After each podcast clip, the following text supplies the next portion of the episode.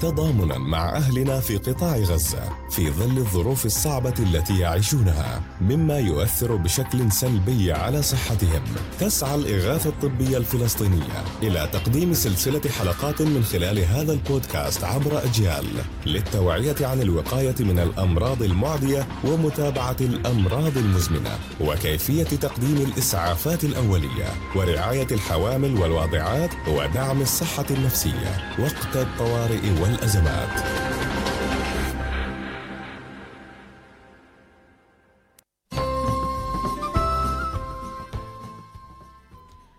أهلا ومرحبا بكم متابعي شبكة أجيال الإعلامية نواصل وإياكم هذه التغطية للحرب الإسرائيلية على قطاع غزة والضفة عبر أجيال.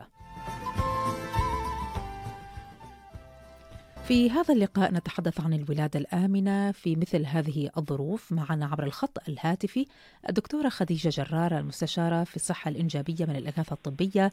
دكتورة خديجة أهلا ومرحبا بك. أهلا فيك يعطيكم ألف عافية. الله يعافيك يا رب. إذا دعينا بداية نسلط الضوء بالفعل على الحوامل العلامات التي يتوجب عند ظهورها التوجه مباشرة للطبيب في مثل هذه الحالة. ماشي. إيه نحن طبعا زي ما المستمعين عارفين إنه نحن بنحكي عن ظروف طوارئ عن وضع صعب جدا. ما بنحكي في الاوضاع العادية اللي يعني إيه ما بنحكي عن أمور رفاهية يعني في كأوضاع عادية. نحن بنحكي عن وضع بدنا ننقذ حياة الأمهات فيه. من أكثر أسباب وفيات الأمهات بعرفش إذا ذكرته سابقا لأ اللي هو ثلاث عوامل. آه النزيف تسمم الحمل والالتهاب أو تسمم الدم. عشان هيك كل الحكي لازم يكون حوالين هاي القضايا الأساسية. فبدنا نحكي عن عوامل الخطر المرتبطة بهاي القضايا. رح نحكي عن عامل الألم اللي هو بيؤدي إلى نزيف. بعدين وبنحكي عن النزيف نفسه بنحكي عن القضايا اللي لها علاقة بتسمم الحمل. بالنسبة للألم إذا كان الألم في أسفل البطن في الأشهر الثلاثة الأولى ممكن يكون وهذا لازم ينتبهوا للنساء بحاله طوارئ أو بدون حالة طوارئ لأنه عالميا من أهم أسباب وفيات الأمهات هو الحمل خارج الرحم، حمل المواسير بنسميه أو الحمل الأنبوبي. فإذا صار في الم في أسفل البطن شديد هذا الألم وبجهة واحدة والدوره انقطعت آه فاحتمال كبير إنه يكون في حمل بس هذا الحمل خارج الرحم. هذا وضع خطير. أوه. هذا يتوجب التوجه إلى المستشفى. ألم شديد بيظهر في خلال يعني فعليا في مثل هالحالة ما بيكون يعني حمل طبيعي. خارج الرحم بيكون ولا هذا شيء مختلف؟ عفوا اذا إذا طلعنا على العلامة هاي اللي حكيتي عنها اللي هي بمعنى إنه الشعور بالألم أسفل البطن وانقطاع الدورة هذا بيعني إنه في حمل خارج الرحم ولا هذا شيء مختلف؟ يا هو احتمال كبير إنه يكون هذا حمل خارج الرحم إذا كان الدورة فايتها وإذا كان في ألم في جهة واحدة في اسفل البطن وإذا كان عندها شوية نزيف خفيف وشاعر شوية بدوها في علامات حمل. لازم تفكر كثير مهم التفكير بموضوع الحمل حمل المواسير أو الحمل الخارج الرحم.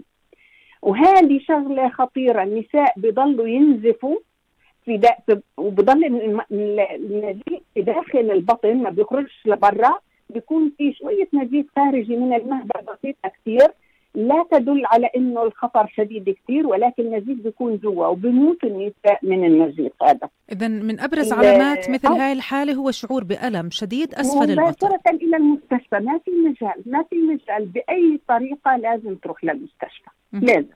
واضح. لأنه ما في حل إلا بده يصير إسراء- نزيل هذا الحمل اللي في داخل يكون في داخل البطن مش في داخل الرحم.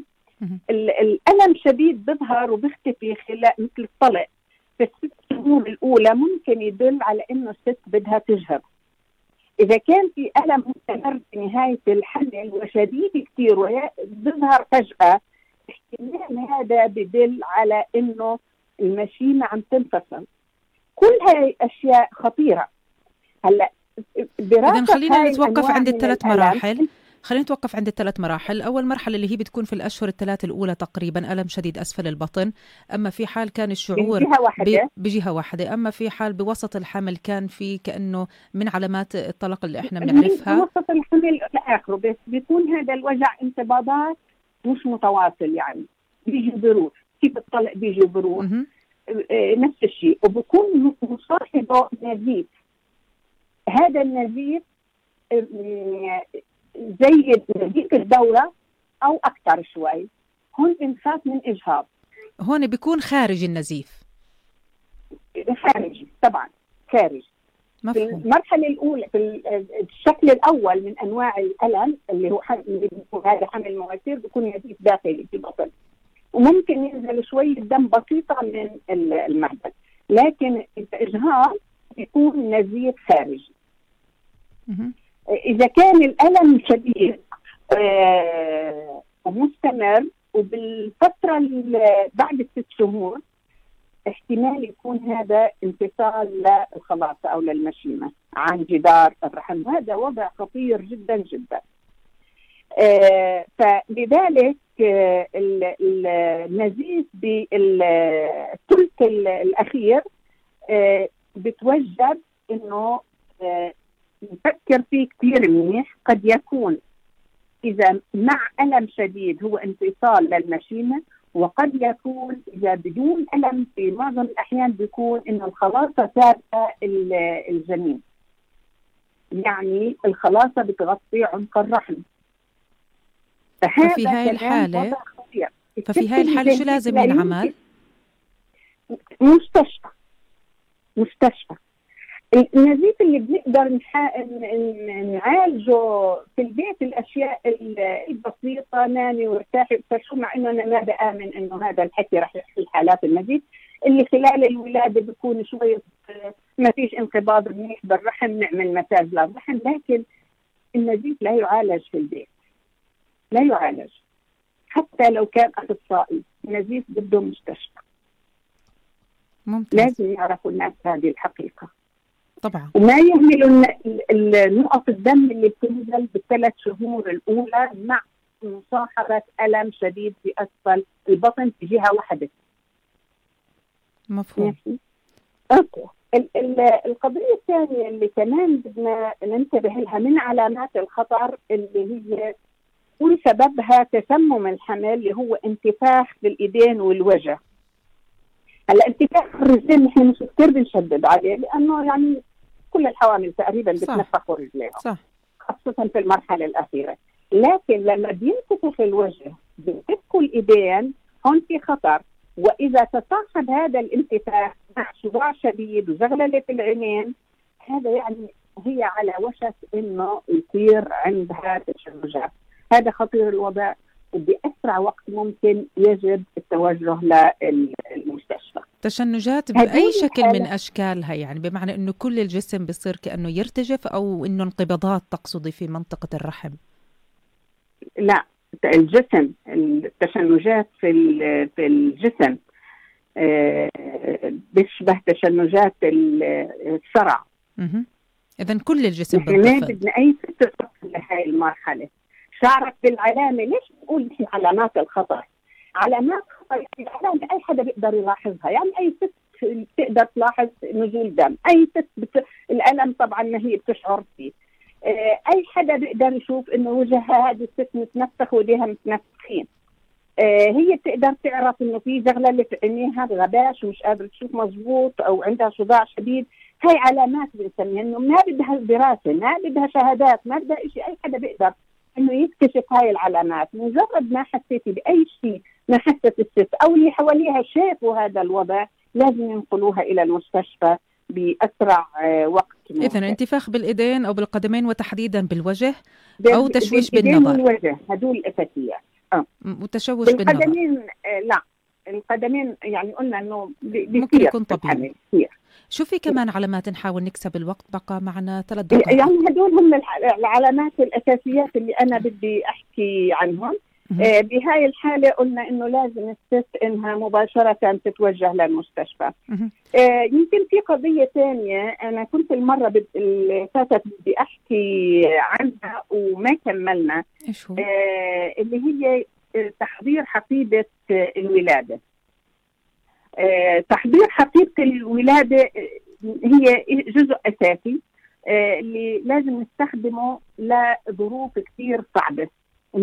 فرضت علينا. محتوياتها بسيطة وموجودة في كل بيت. ونحن بالانتفاضة الثانية كنا نساعد الأمهات يحضروها وفي بعض الأحيان حضرنا ووزعناها على الأمهات.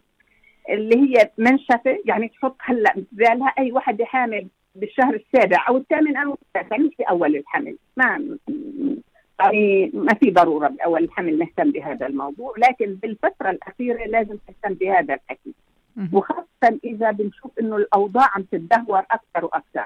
ما احتجناهاش الحمد لله بيكون هذا شيء كثير منيح قدرنا نوصل للمستشفى. لكن إذا ما قدرناش هاي الحقيبة بتساعدنا إنه تمشي الولادة بطريقة نظيفة. وهو العامل الثالث في وفيات الأمهات وحديثي الولادة اللي هو تسمم الدم الالتهابات هاي الحقيبة يكون فيها منشفه آه، مش حجم كبير بشكير شفرة حلاقة جديدة موديلهم هدول الشفرات النسة القدم اللي بتكون الشفرة مغلفة بغلاف. هدول معقمين ومغلفين منيح إنه تكون موجودة. إذا ما فيش مقص صغير بينغلى وبتعقم وبكون موجود. آه، ثلاث قطع من الخيطان آه، هلا اللي بيقدروا يحصلوا على المكبس هذا الملقط اللي بحطوه للسرة بيكون كثير منيح بكون معهم هذا الملقط. لكن إذا ما فيش بدها تحضر وفي هيك لازم تحضر ثلاث خيطان طول 20 سم وهدول بينغلوا وبتعقم. آه علشان نربط الحبل السري. ممكن بحلقة ثانية نقول كيف بيرتبط الحبل السري. قطعة أكيد ممكن نحكي بتفاصيل أوفى بتتعلق بعملية الولادة نفسها واللي هو لابد أنه يعني نتوقف عندها فيها تفاصيل كثيرة. آه. إذا هاي أبرز العلامات. بشكل سريع لو سمحتي لضيق الوقت أنا بحكي عن علامات اللي خلال الحمل. هلا خلال الولادة بوقت ما نحكي عن الولادة بنحكي في علامات خطر. صح. يعني. وما بعد الولادة برضه بنحكي عن لما نحكي عن ما بعد الولادة عن علامات الخطر. اذا اليوم تطرقنا للعلامات الخطيرة. أها. اذا العلامات الخطيرة خلال فترة الحمل. اليوم تطرقنا لها. حكينا إنه كيف الأشهر الثلاثة الأولى الشعور بألام آه، شديده في أسفل البطن في جهة واحدة مع انقطاع آه، الدورة الشهرية. هذا بيعني أنه احتمال كبير يكون في آه، احتمال لحمل خارج الرحم. ما بعد ذلك يعني من الأشهر حتى فترة الحمل إذا صار في نزيف لابد من التوجه مباشرة للطبيب. كلها علامات خطيرة مثل ما حكيت الدكتورة خديجة وبالتالي لا تحتمل الانتظار. شكرا على كل الإيضاحات والمعلومات اللي قدمت لنا إياها أكيد سنبقى وإياك على اتصال للحديث فيما بعد في حلقات أخرى عن آه، فترة الولادة نفسها عن العملية نفسها وما يستوجب آه، اخذه بعين الاعتبار. الدكتورة خديجة جرار مستشارة الصحة الإنجابية في الإغاثة الطبية شكرا جزيلا لك. ولكم من كل المحبة والتحية من الهندسة الإذاعية والأخراج خالد محمد ومحبتي نجاح مسلم. إلى اللقاء.